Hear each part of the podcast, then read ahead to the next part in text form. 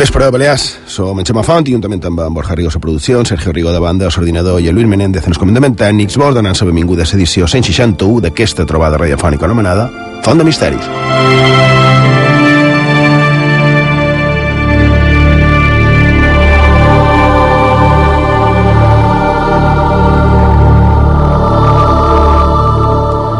Bé, abans de tot, que no se m'ho s'oblidi, Enhorabona, Maria Rigo i Joan Guillem Jaume, pel guardó del Col·legi de Psicòlegs per la vostra bona feina en el programa No apaguis el llum, que ve després de la gran vida, després ve No apaguis el llum, un programa especialitzat en, en sexe, en aquesta cadena, a IB3 Ràdio, i a part d'això, avui és el típic dia que anem massa carregat de continguts, mm, que sabem que no ens dona temps per tot, i que fins fa un moment hem estat llevant coses que sabíem que no hi cabrien, no?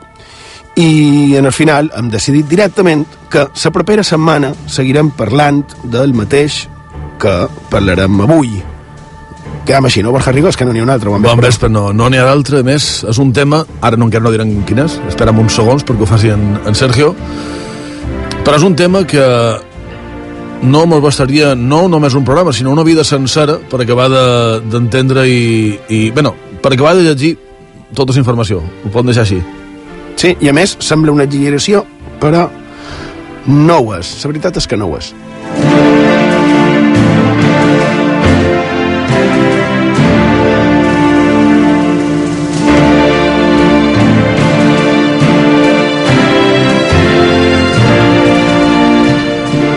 El cas és que fa unes setmanes varen fer dos programes arrel de la publicació d'una notícia on es deia que el govern espanyol havia desclassificat mm, documents relatius a expedients anomenats OVNIs, de fenòmens aèris estranys. Vàrem tractar de posar una mica de, de llum damunt d'aquests expedients i vàrem, pensam, demostrar que la informació que ens donava, si bé podia ser certa en si mateixa, estava com a, com a teada. Semblava com si hi hagués documents paral·lels o complementaris en aquest que es varen publicar i que podríem pensar que encara romanen amagats o bé que han estat destruïts. No, no és un tema conspiranoic, és un tema obvi, el manco per nosaltres. Tampoc en tots els casos, però n'hi ha molts que sí. I també hi ha molt de casos on la veritat és diferent a la realitat que ens volen mostrar, on el que ens volen fer creure no és el que verdaderament podria ser que hagués succeït, a vegades sembla com si els governs o que o aquells que tinguin el poder callarien una realitat pels motius que siguin normalment és en nom de la seguretat i quan no hi queda una altra opció que contar-la pensam que podria ser eh, que diguessin el que volen. Juguen un poquet a la desinformació, a informar de certes coses, de tal manera que, com a mínim, com a mínim, es pugui crear certa confusió. Per nosaltres això és una realitat, vist des del nostre punt de vista. Tal vegada hi ha qui no està d'acord. De totes maneres, per fer una afirmació d'aquest tipus, no és perquè sí, no m'ho invent, perquè casos n'hi ha per avorrir. Bé, per avorrir, ja ha dit en Borja que donaria per tota una vida, o sigui que per avorrir, la veritat és que no. Però sí que tal vegada hi ha més casos del que pensam.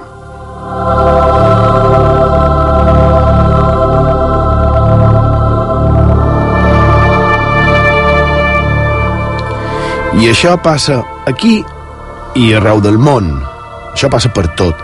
Però a nosaltres ens importa, el manco avui aquí, tot el que pot afectar a les nostres illes.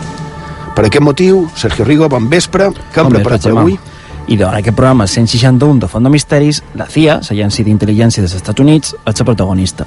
Quins documents ha desclassificat recentment? Xeren de les Illes Balears? Quina relació té la CIA amb les nostres illes?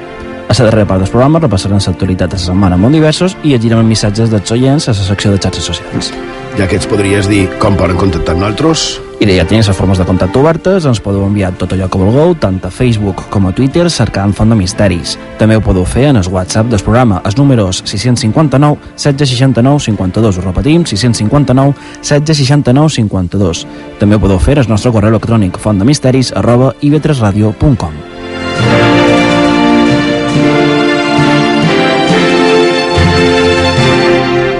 Recordàvem també que ens podeu seguir a Instagram cercant l'usuari Font de Misteris IB3 i escoltar tots els nostres programes en el servei a la carta d'IB3 Ràdio a ib3radio.com, a ivox.com i a fontdemisteris.com.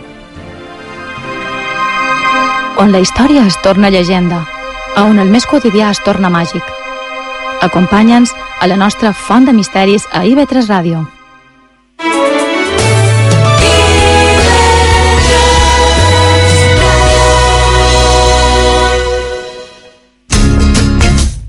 Les dones a les Illes Balears són un 49,99% de la població. A dones, la vida en perspectiva de gènere abordant temes que ens afecten a tots, homes i dones. Parlam de poder, d'urbanisme, de viatges, de la cura, de la pornografia, la violència o del masclisme. 60 minuts cada setmana per ampliar la nostra mirada. Dones, la vida en perspectiva de gènere. Dimecres, a les 6 del cap vespre, a IB3 Ràdio. De veres, això és el que més t'agrada. Eh, tant és que ho facis amb passió, desenfrenada, sense amor. Allò que és important és que passis plaer. Quan m'hi pos, és una experiència. Uf. No hi pensis, fes-ho. No apaguis el llum. Dissabte a mitjanit, amb Maria Rigo i Joan Guillem Jaume. A IB3 Ràdio. Seny Maria. Deixa'm un poquet. L'actualitat de les illes i les veus dels seus protagonistes. Una visió plural del món que tenim més a prop. Cada matí, de dilluns a divendres, entre les 9 i la 1, ens posam al dia. A IB3 Ràdio. El dia, amb Rafael Gallego. IB3 Ràdio t'ofereix la millor qualitat de recepció. Sintonitza la ràdio pública de les Illes Balears. A Eivissa i Formentera, 93.7. Misteris i llegendes a Font de Misteris, amb Xema Font.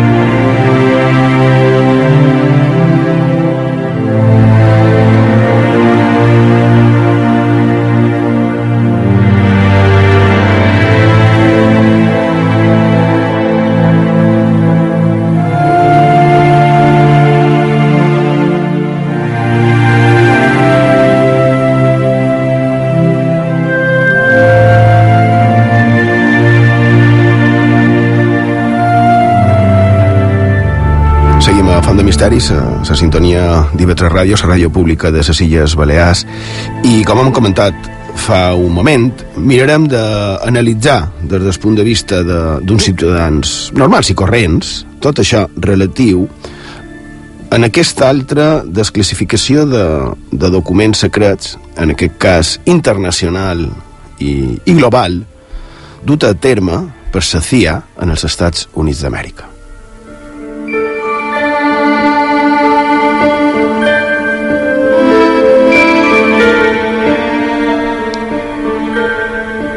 Bé, clar, perquè ja començam. La CIA, l'FBI, són mm, tal vegada un dels organismes més famosos del món.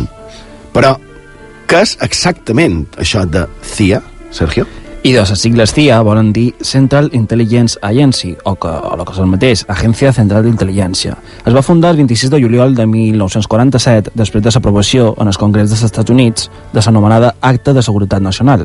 A la plana web oficial de la CIA poden llegir en un parell de punts quins són els objectius d'aquesta agència, o llegim a la seva web en castellà. En, si encara és, que tal vegada pot ser que ja no hi sigui. Avui de matí hi era, ja bueno, i de, veurem. Y ya digo, recolecta información de inteligencia a través de fuentes humanas y por otros medios apropiados, excepto que no tiene poderes policiales ni comprendo judicial, o poderes legales o funciones de seguridad interna. Correlaciona y evalúa la inteligencia relacionada con la seguridad nacional y provee la propia diseminación de tal inteligencia. Proporciona dirección general y coordina la recolección de inteligencia nacional fuera de los Estados Unidos a través de fuentes humanas de la comunidad de inteligencia autorizadas para realizar tal recolección y en coordinación con otros departamentos, agencias o elementos del gobierno de los Estados Unidos y aquellos involucrados en tal recolección, asegurando que se haga el uso más efectivo de los recursos y que se lleve a cabo con apropiada responsabilidad en cuanto a los riesgos de los Estados Unidos y aquellos involucrados en tal recolección. Profada.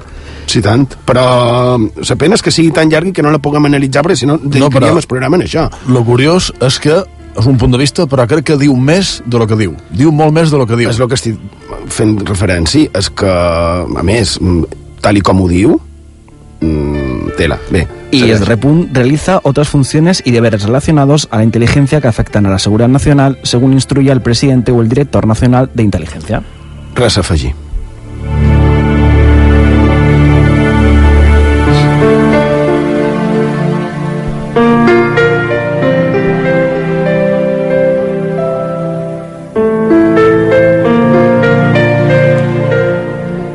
Agència Central d'Intel·ligència. Ah, aquesta seria la traducció de les seves sigles, la CIA.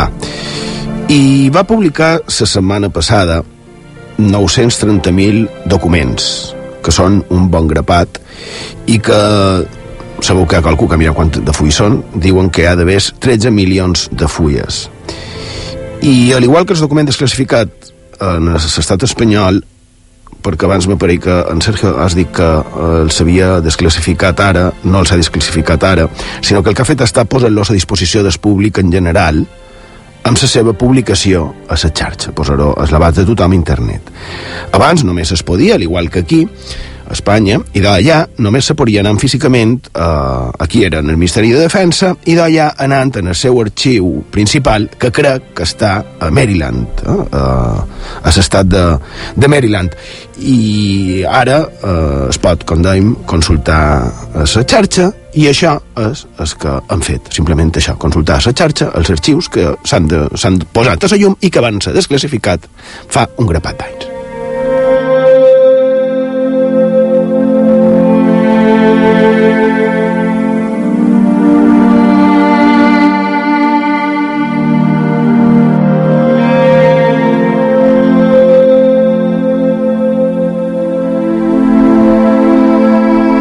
Per què pensant que té importància i interès això que pugui passar allà? I de perquè els mitjans, si mos, si mos fixam i més darrerament, podrien dir que es fan, perdó, més ressò del que passa allà en segons quin temes que no el que passa aquí o, o ben a prop d'aquí i més ara, evidentment, en la, en la nova elecció de, del ja actual president dels Estats Units que a més sembla que verdaderament ens ha de presidir governar a tots, que esperen que no, tot sigui dit de pas.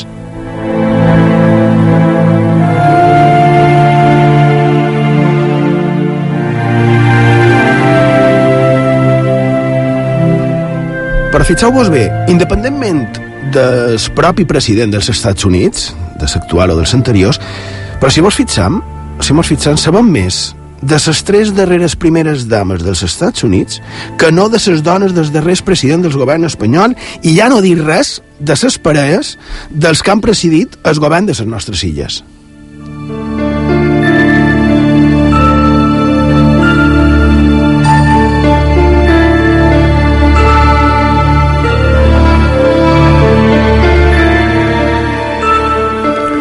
I de, anem a comentar a on i per què han parlat de nosaltres, de sa, des de la seva fundació com a agència d'intel·ligència, l'any 47, eh?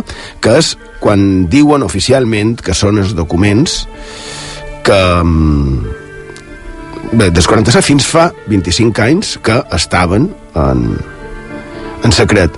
Què, què deies? que es van demanar que si pensen que la informació que donen és cert o no. És a dir, si és que s'ha publicat, és que verdaderament tenien i si ho han fet públic, deuen de veres. Bona pregunta que bona, bona pregunta i, i la resposta és complicada. Molt complicada. És a dir, se suposa que podem pensar que el que, lo que compten els documents és cert, el manco pareix. Sí. El que no està tan clar és si han mostrat tot el que s'ha de mostrar. I, de fet, si fas una mínima que veus que molts dels documents estan censurats. Totalment. A veure, els, per exemple, els desclassificats que varen comentar fa unes setmanes eh, del govern espanyol tenien llevat normalment els noms dels implicats, perquè, evidentment, ningú s'ha d'anar a cercar ni a un testimoni que va dir o va deixar de dir, no? I de protecció de dades, supos, també.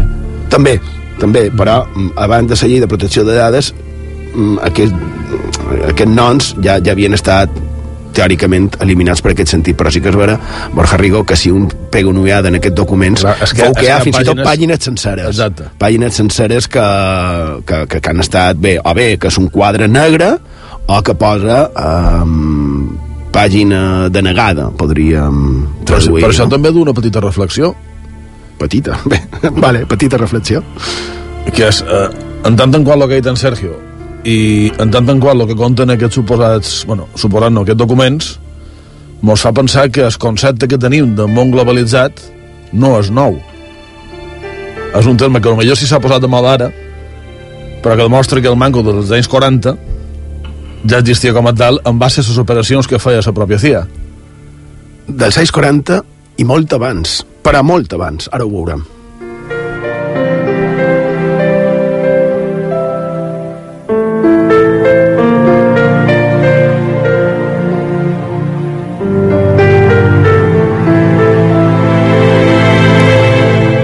És que en el final no podem deixar de banda que finalment tots són interessos, no? En aquest cas es suposa que per a una nació, els Estats Units, però mm, són els serveis d'intel·ligència que, que deien, que diuen el que volen, no? I damunt d'això es produeixen fets històrics, més o manco rellevants, més o manco tràgics i en més o manco implicació. Me recorda, i que em perdoni tothom la comparança, un poquet a la Inquisició, que deia una sèrie de coses, de qualcú, i ja t'encarregaràs de, de dir l'afectat ja s'encarregaria de dir si eren certes o no, no? Una vegada dita, per motiu que fos, i ja la tenim armada. I això s'ha fet gairebé sempre. I clar, després tracta l'afectat de dir que no, eh? és a dir, si a tu t'acusen de qualque cosa, tracta tu de dir que no. Després, a veure, això, com pots... Mm, com dir-ho, com expliques que una, una afirmació suposadament oficial no és com diuen que és? Com te pot defensar?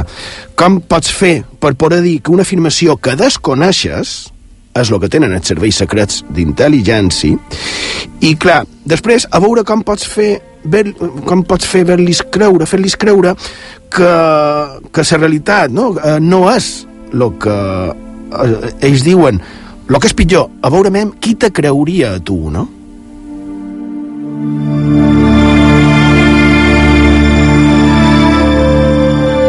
No sé si m'he explicat bé, però clar, te defenses d'allò que no saps de què t'has de defensar. En resum és això, no?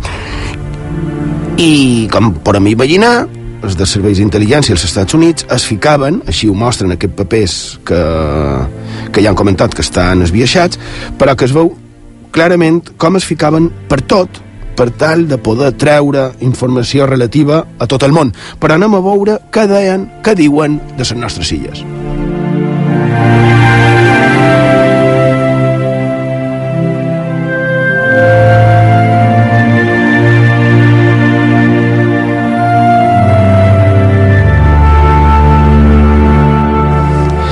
Però clar, també, és que ja hem dit abans que, que és que no mos donarà temps. Abans s'haurien de saber en general quin tipus d'informació hi ha dins aquests documents. Borja, veure un poquet d'aigua, quina, quina és la importància general d'aquests documents, de què tracten, que podem trobar, vull dir, eh, a nivell global, no? Ja després comentam el que, el que diuen de nosaltres, perquè també hi ha cosa nostra. I de, naturalment dins d'aquest eh, 13 milions de, de pàgines podem trobar un grapat d'informació més que interessant, ja sigui per curiosos, per historiadors o per aventura, per amants del misteri o un pot de tot. A més, a les més de, ho deien al principi, més de 900.000 pàgines desclassificades podem trobar diverses categories, diverses temàtiques, podríem dir, si voleu, que en total sumen 57 i que són tan diverses com històries de Vietnam, joies de família, projecte Stargate, no confondre ni en la pel·lícula ni en la sèrie, o, o sí, Doctor Cibago, també és molt interessant, i OVNIs, realitat o ficció. Això és un títol d'un llibre. Sí, i més d'un, si no, si no sí. malament. Sí. Bé, dins d'aquesta informació trobam eh, dades estrictament estratègiques i militars, però el que més crida l'atenció, el manco, el que per on nosaltres més ens crida l'atenció, és que en aquest món on els fenòmens paranormals habitualment han estat, si no ridiculitzats o desprestigiats o infravalorats, un organisme d'importància que abdal pel desenvolupament del món que coneixem avui en dia, com es CIA, ha estat més de 50 anys estudiant, investigant aquest tipus d'històries i gastant enormes quantitats de dobbers per tractar de trobar-li l'explicació. I a més ho, ho han fet públic. I a més ho han fet públic. Clar, aquest fet en particular pot sorprendre i molt. Tenim, per exemple, i això no, no ho podem obviar, àmplies referències a un dels personatges televisius més mediàtics de l'Espanya dels 70, Nuri Geller, supos que tothom ho, ho recorda. Hombre, jo efectivament el record perfectament. No sé si en Sergio Rigo de quan... De reposicions, De no? reposicions, sí. clar, clar. Bé, Borja aquell- també. En Borja no. De reposicions sí, Però també del l'hagueres agafat on esteu tens en Nuri Geller? Ja no. A altres programes que no era en Íñigo. Ah, vale. No, També, clar, sí, sí, però sí, jo recordar que és, és aquell mentalista que suposadament tenia facultats extrasensorials que li permetien, per exemple, doblegar cueres només en la seva ment. I do, en Geller surt en aquests documents. La CIA el va investigar i el va posar a prova. Resultat, que en contra del que s'ha dit a l'opinió pública, en Geller tenia o té poders extrasensorials fora de dubte. Per demostrar-ho, el van tancar a una habitació acorassada amb acer i el van fer dibuixar allò que tenien els investigadors de fora. I, segons pareix, el Manco va encertar en qualque ocasió. També va fallar, però la CIA diu que, fora de dubte, té poders extrasensorials. Ja dic que és que tenim per fer tota una temporada també en, amb aquests temes. Això me sona una sèrie que està recentment molt de moda, que és Stranger Things, no? Suposo, Borja? Podria, podria ser, sí. Bé, però se suposa que això és anterior, no crec que sigui un, una publicitat d'aquesta sèrie, no ho sé, tal vegada podria ser. Bé, una altra, una altra informació que, per cert, ara començarà la segona temporada, per qui, per qui vulgui. Una altra informació que se troba en aquests documents i que ha transcendit de molts mitjans de comunicació és la referent a la tinta invisible. Dit així, sona allò que feien per ventura quan eren petits, no? D'intentar escriure qualque cosa que no, sa, que no sabés. Sí, en suc de llimona, Efectivament. o en llet, i I després, de- I, de... i després ho encalenties i... I del més o manco. Resulta que la CIA té receptes per fer aquest tipus de tinta, consta de banyar el paper en nitrat, soda i, i midó. Això seria el necessari per poder encriptar missatges. Una versió un poc més sofisticada des... De suc de llimona. Sí. Però, clar, eh, una de les categories que, com ja podeu imaginar, el Mancomí, i supos que vosaltres també, eh, i en oients segurament també, més ha cridat l'atenció és la referent en el tema OVNI, en els no identificats.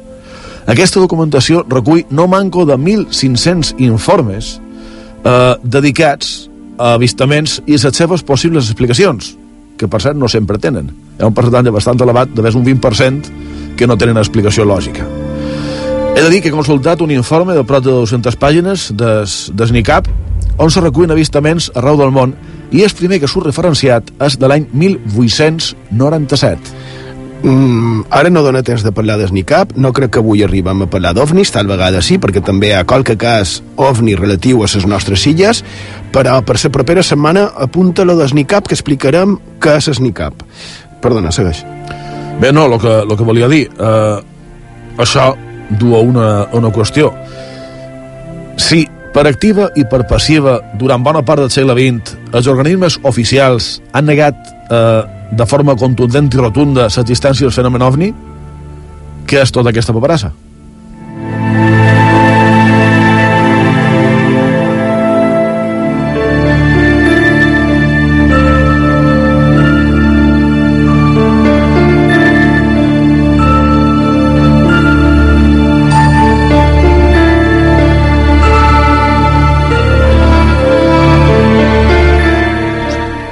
Efectivament, com bé has dit, Borja, arreu del món, no? perquè de tots és sabut que els americans, el els Estats Units, sempre els ha agradat anar a ficar es, es nas, a ficar-se per tot arreu del món. El segle XX i aquest segle XXI són, evidentment, una bona mostra, ja sigui per un, un altre motiu, però tots sabem que hi ha flotes de vaixells per tot arreu, no? Aquí, per exemple, a la Mediterrània, tenim la sexta flota. I ha estat així des de quan? Des de quan els Estats Units han estat amb els seus vaixells de guerra donant voltes? Pues, la veritat és que ho podrien dir perquè, si no vaig errat, el primer port a l'estranger on varen establir una base aquella mena d'incipients Estats Units d'Amèrica va ser precisament, com no, a les nostres illes, a Menorca, on varen anar, sembla, entre 1800 i 1850 per protegir les seves relacions comercials a la Mediterrània i defensar, en cas de necessitat, les seves embarcacions, els seus mercants. I imagino, jo, personalment, que quan varen veure que aquesta idea era bona, varen dedicar-se a expandir-se més i més i més.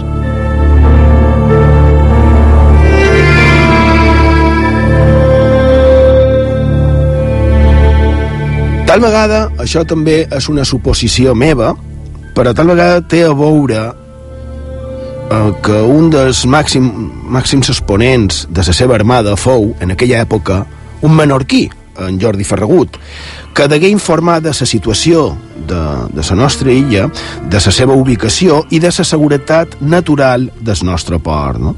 Supos que és digne de ser estudiat en profunditat perquè no he trobat, encara, encara, cap estudi damunt d'això.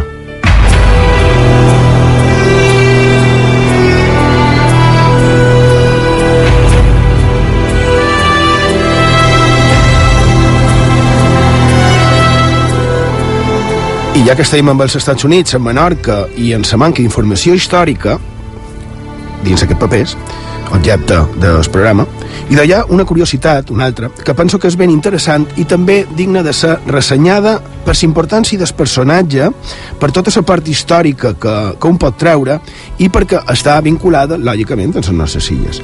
A un dels papers hi figura una carta que el director del Museu d'Art Contemporani de Nova York, Alfred Barr, li envia a un estimat Nelson? L'encapçalament és així.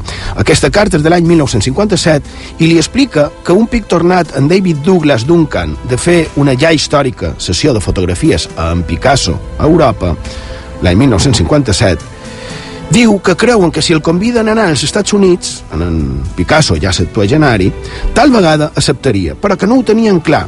Era un risc i una aposta, perquè, clar, entre d'altres coses, en Picasso era comunista, i ells estaven en la famosa casa de bruixes d'en McCarthy, el macarcisme, no? que fins i tot s'ha convertit en, en definició de persecució política. I això va ser duit a terme pels, en els Estats Units per tractar d'identificar a tots aquells comunistes. No? Aquí podríem fer comentaris, però evidentment es mosseguen la llengua. I en Picasso s'havia autodeclarat comunista.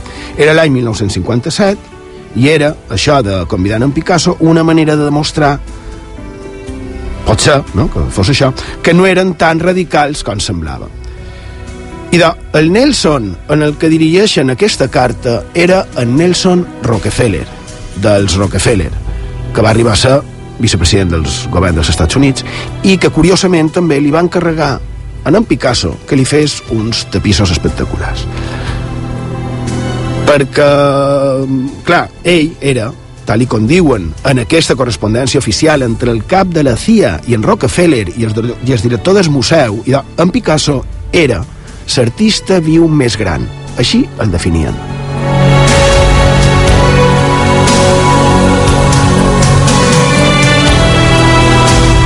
I darrere tot això està la curiositat. En Picasso és conegut de tothom que va viatjar molt al llarg de la seva vida, per la península i per França principalment qualque vot a qualque altra banda, però principalment per allà.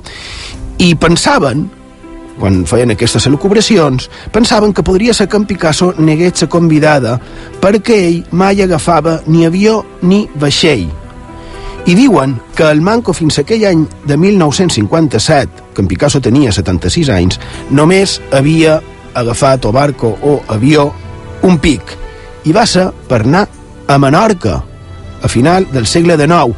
Textualment diu, ell té, bé, ho diu en anglès, ho he traduït, ell té 76 anys i mai no ha anat ni en avió ni en vaixell, excepció d'una vegada a Menorca, 60 anys enrere.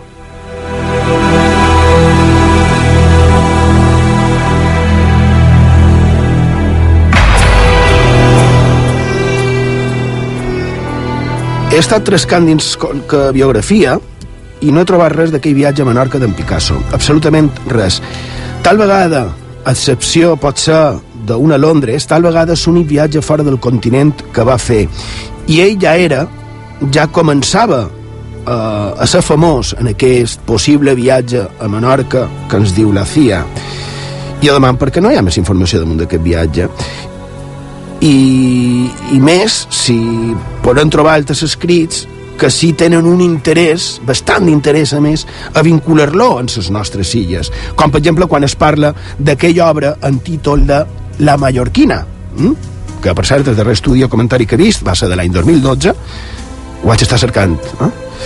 I segons l'historiadora Boncompte, que afirma que el quadre d'en Picasso titulat La Mallorquina no és més que la fetillera grega Nazirce. No? Així que ho posam a la llum, ho traiem, per si qualcú ho vol, avisa navegants, sembla que en Picasso va estar a les nostres illes i que, per al contrari, el quadre La Mallorquina no era tal. I ja de pas, també, que el pintor va ser tractat de ser emprat com a cop d'efecte polític.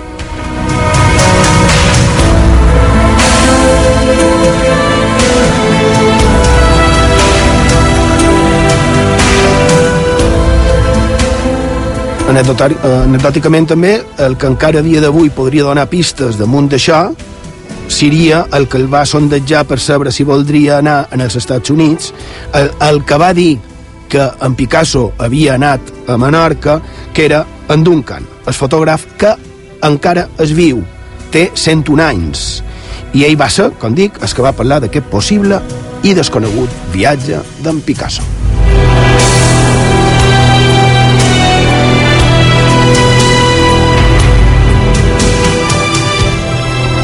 I ja que estem parlant de mitjans de transport, podríem anar amb una altra història trobada també dins aquest papers que, com a mínim, també és curiosa i que fa, forma part bé, juntament amb gairebé tot el que ha, forma part de la història del món. Però, clar, en aquest cas, com és mm, part de l'anomenat Tercer Món, no sol ser tan famós ni, ni conegut, clar, però pensam que val la pena. Imaginem l'escena.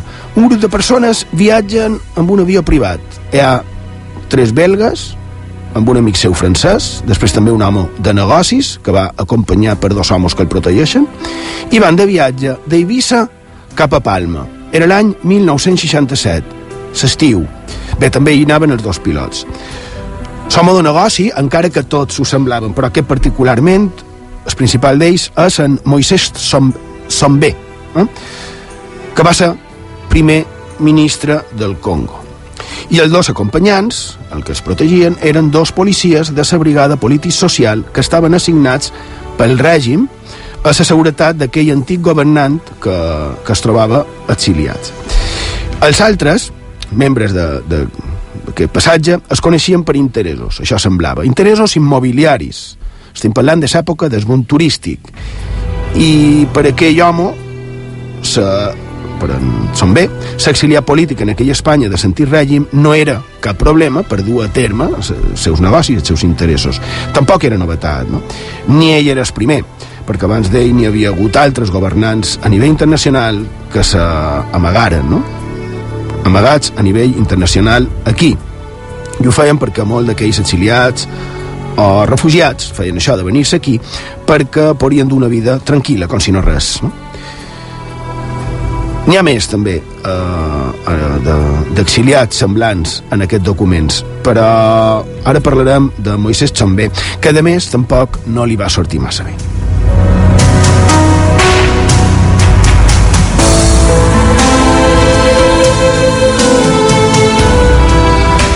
Els tenim a dins avió privat, s'enlairen i just a mitjans camí entre Eivissa i Mallorca, aquest seu, diríem, amic, en François Bodenan, que era el que havia llogat l'avió, treu una pistola i diu que canviaven de ruta, que no aterrarien a Mallorca, sinó que s'anaven cap a Argel.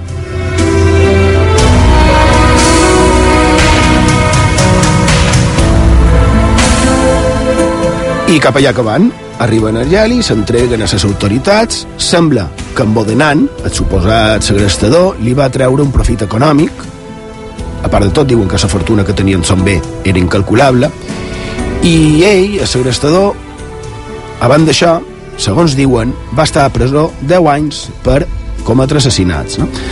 Um, sembla que era el que es coneix com un mercenari.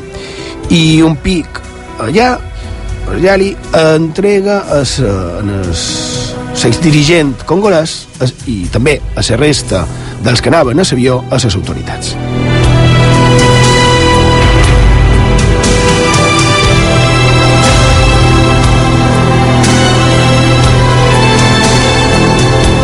pilots els pilots eren britànics i varen ser demanats per al Foreign Office britànic, lògicament, Policies eren espanyols i una vegada suposada per part dels governs la seva innocència, al igual que els pilots, foren retornats en els seus països i això en, en una setmana va passar això.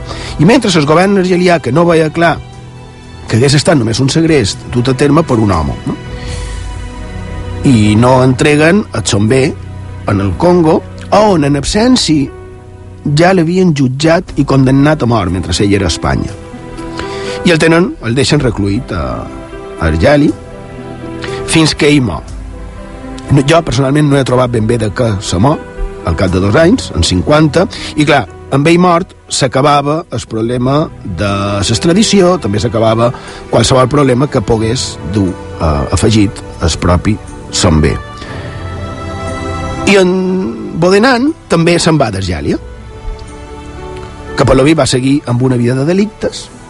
Bé, de fet, va acabar arribant a Espanya, demanar per les autoritats un pic detingut per estafa i, i per falsificació, per falsa identitat, per tinància d'armes a Bèlgica, a Lieja, l'any 1979. I per aquest motiu, amb aquesta detenció, l'envien aquí, a, a Mallorca, on va ser jutjat.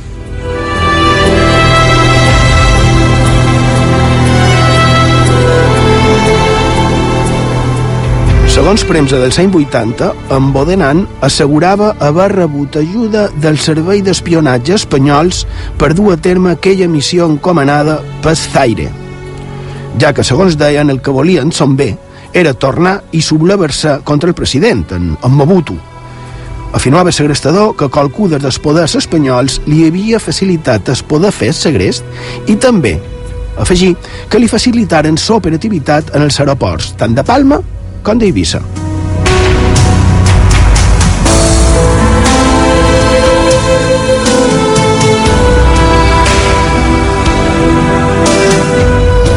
I aquí les nostres tranquil·les illes tornen a sortir a la premsa internacional, perquè en el final aquest home, en Francis Joseph Bodenan, va ser jutjat a un consell de guerra a la sala de cinema i teatre de l'aeròdrom de Son Sant Joan, just de vora de l'aeroport Illenc, a Mallorca, i condemnat dia 26 de març de 1982 a 20 anys i un dia de reclusió major.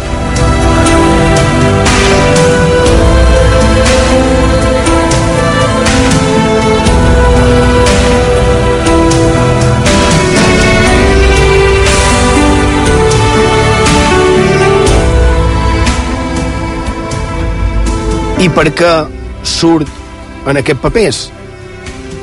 I do també perquè la CIA va ser acusada d'estar al darrere d'aquest segrest. Encara que l'autor del mateix, bé millor dit, el suposat autor, perquè encara hi ha qui dubta que fos ell, i d'ahir, com han comentat, va dir que qui era el darrere del segrest eren els serveis espanyols. Eh? També el judici va dir que el seu procés, any 1982, comprometerà los intereses mundiales d'Espanya. Va ser un fet històric d'allò més estrany, com, com deia el diari El País, quan passats 15 anys començar eh, a la base aeri el judici i el diari El País va publicar Se llega por fin a este juicio, en el que se podrá aclarar lo que ya ha sido calificado como uno de los grandes misterios del siglo XX. I en el final, com sol ser habitual, tenim que un fet succeït a les nostres illes va tenir una transcendència importantíssima per, en aquest cas, podríem dir, tot el continent africà.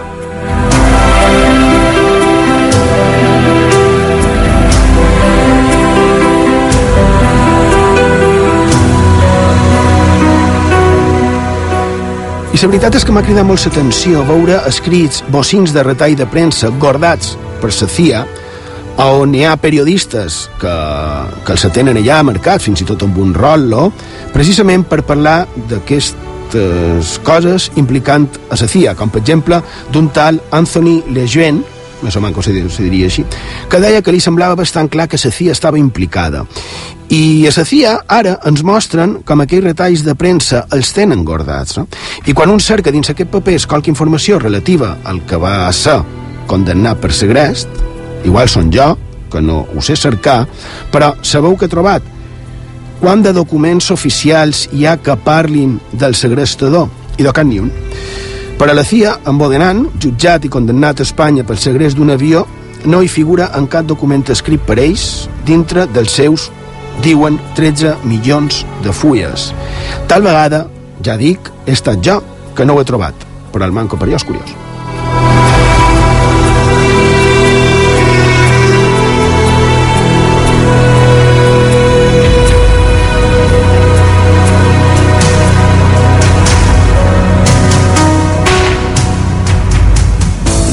Ja, sí, ja per acabar per avui, i, i com qui no vol la cosa, història tràgica d'Europa de, i, i del món. Aquesta per un altre dia, mm, perquè la setmana passada i l'altra parlaren dels jueus i hi ha una bona quantitat de documents referits en els, en els nazis i la seva vinculació en les nostres illes. Nazis que fugiren i s'amagaren aquí, en noms, llinatges, qualcun d'ells molt coneguts i reconeguts. Altres noms també hi ha d'aquests vinculats en el paper, no són tan famosos, però també, bé, ho comentarem un altre dia. Però no oblidem que tot això va passar aquí.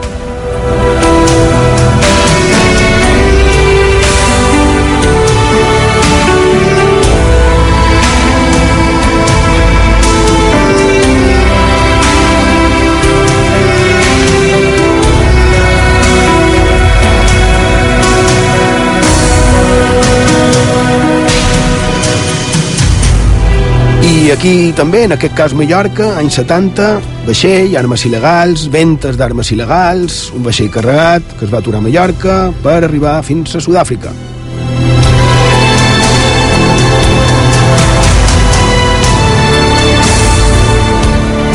I clar, també, per associació, només citaró, però per associació i per veure la importància actual, no dels anys 40 ni 50, actual, no fa molt, en Matías Vallès, del Diari de Mallorca, va publicar uns articles referits a que avions de la CIA dels Estats Units aterraven a Palma, avions que eren presons on duien, sempre, segons en Vallès, persones que enviaven a presons com, com si això fos una pel·lícula. Una pel·lícula, en aquest cas, real. Avions sense marques que aterren, estan uns dies i se'n van, sense que ningú, bé, ningú no, gairebé ningú eh, sap, sabi per, per què ho fan, no? Bé, Matías Vallès i els altres ho van estar investigant i per ser més neutres agafa una nota de premsa d'Europa Press amb el titular Diario de Mallorca expresa sus dudas ante el Parlamento Europeo de que el gobierno ignorase los vuelos de la CIA i ens diu que Vallés compareció en la Comisión Temporal del Parlamento Europeo que investiga los vuelos secretos y detenciones ilegales que presuntamente llevó a cabo la CIA en suelo europeo, donde expuso los detalles de la investigación de su periódico, que publicó en marzo de 2005.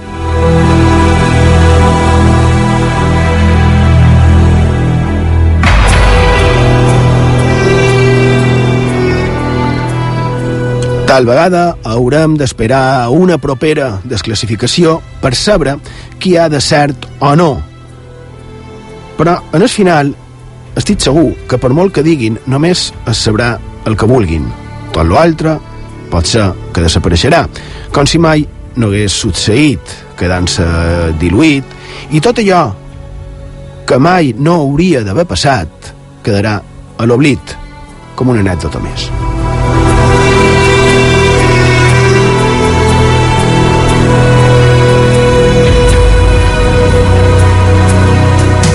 A IB3 Ràdio, Font de Misteris, amb Xema Font.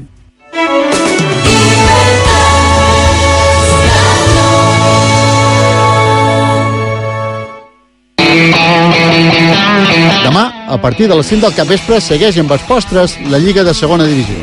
Des de Somos, Real Mallorca, Cádiz. Els homes de l'Aizola obligats a guanyar per no caure a la zona de descens davant d'una de les grans sorpreses de la temporada. Un partit amb tots els ingredients per gaudir d'una bona estona. Des de IBT Ràdio en coneixerem tots els detalls amb el millor equip d'esports. Real Mallorca, Cádiz.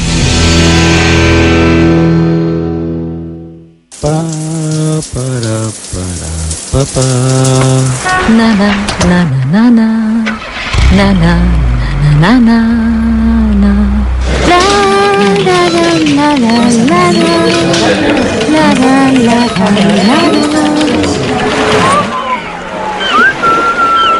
gran vida amb Cristina Bugallo i Laura López.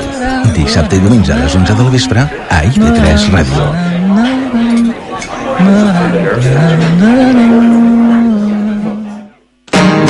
Amb ganes de cercar la llibertat, de posar-me xandall i deixar d'estar aturat, d'agafar-se de l'ou i bugar al contravent, ser capaç de creure que pots el meu millor intent. Dilluns a les 6 del capvespre, Feim quilòmetres. Fent quilòmetres amunt i avall, Amb Joan Martí i Mercè Valero. allà on les coses passen quan corre. Fent quilòmetres amunt i avall. A IB3 Ràdio. IB3 Ràdio t'ofereix la millor qualitat de recepció. Sintonitza la ràdio pública de les Illes Balears. Alcúdia 89.2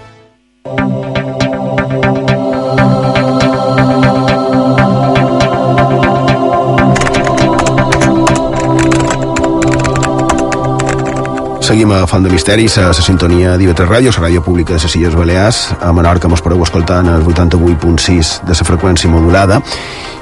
I entrem en els darrers minuts, eh, on normalment fem la secció de xarxes, mos votam la secció de d'espipellar la actualitat, crec que també l'hem espipellat una miqueta avui.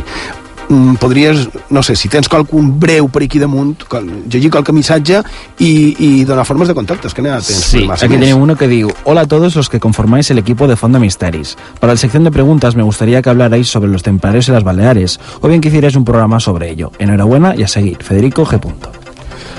I de... Gràcies, Federico. Mm, bé, no, crec que no li van contestar encara per, per missatge. Mm, ho, de, ho deim aquí. N'han fet un, dos, no? Un de templaris històrics, que va ser el programa número 3, no recordo malament, o sigui, fa 150 i... 150 i llargs, sí. sí. I s'altres de neotemplaris, era. Sí. amb en Toni Sant Pol Efectivament. de, dels neotemplaris que tenim aquí a, a les illes i que, i que fan i de, saps què? Podríem fer-ne un, Sí, un altre és- de, és un de, que de, toca- que no és que la paraula correcta no és templari, és templer tot sigui dit de pas. Ma- m'agrada, m'agrada la idea. Uh, sí, podríem sí, perfecte i ara formes de contacte i partim, si és que no dona temps. I de això ens podeu seguir i enviar vostres missatges a Facebook i Twitter a cercant Font de Misteris, en el WhatsApp dels programes 659 16 69 52 i en el correu electrònic fontdemisteris arroba ib3radio.com Ara me'n record que en el monestir de la Real se, els, eh, es poden veure amb facilitat quan en el monestir de la Real a, a la ciutat de Palma quan hi ha qualque vent o això se solen per a veure no? uh, crec que és interessant, sí, sí, sí, sí m'agrada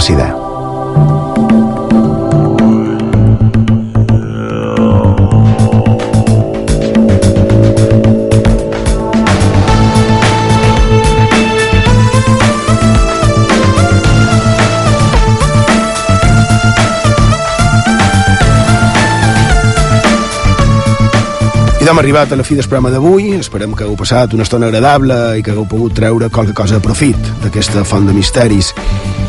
I avui hem parlat dels serveis d'intel·ligència, en aquest cas nord-americans, que juntament amb els d'un parell de països, d'altres països, són qualificats, diuen, com els més efectius del món. Encara que els nord-americans també sovint són acusats de coses no massa clares i com que està rodejat de secret pot ser que sigui només per això que té aquesta mena de teories conspiranoiques que ho envolten el que sí està clar és que al manco dia d'avui tenim un sistema més modern i efectiu per establir comunicacions i també per poder ser interceptades. Està clar que les xarxes socials, molt efectives, però són molt vulnerables en tots els aspectes. I així, imagine que els serveis d'intel·ligència dels països s'hauran d'anar actualitzant. Tal vegada vagin per davant les pròpies empreses privades que no els propis governs. Empreses tipus Microsoft, Facebook, Twitter, Google i, i d'altres que poden tenir accés a una informació que podria evitar segons quines situacions. Jo no sé què penseu, però fa unes setmanes va sortir a premsa que aquestes grans corporacions s'avisarien entre elles quan trobessin una informació, uns vídeos o una propaganda terrorista dins els seus servidors per poder actuar com trobin més adient. I tal vegada així aturar no? aquesta publicitat tan fàcil i accessible a tothom damunt respecte a certs grups terroristes. I aquestes empreses són les mateixes que fa dos anys varen dir exactament, segons una notícia ja oblidada, encara no fa dos anys, una carta d'aquestes empreses en el director de la Comissió de Comunicacions a Washington i deien, traduït de l'anglès, de la carta, bé, en anglès diu We write to express our support for a free and open internet. Es dirigim a vostè per mostrar-li el nostre suport a un internet obert i gratuït, com ha de ser. Clar, però a quin preu? Quina contradicció sembla, no? I en més, en menys, vull dir, de dos anys.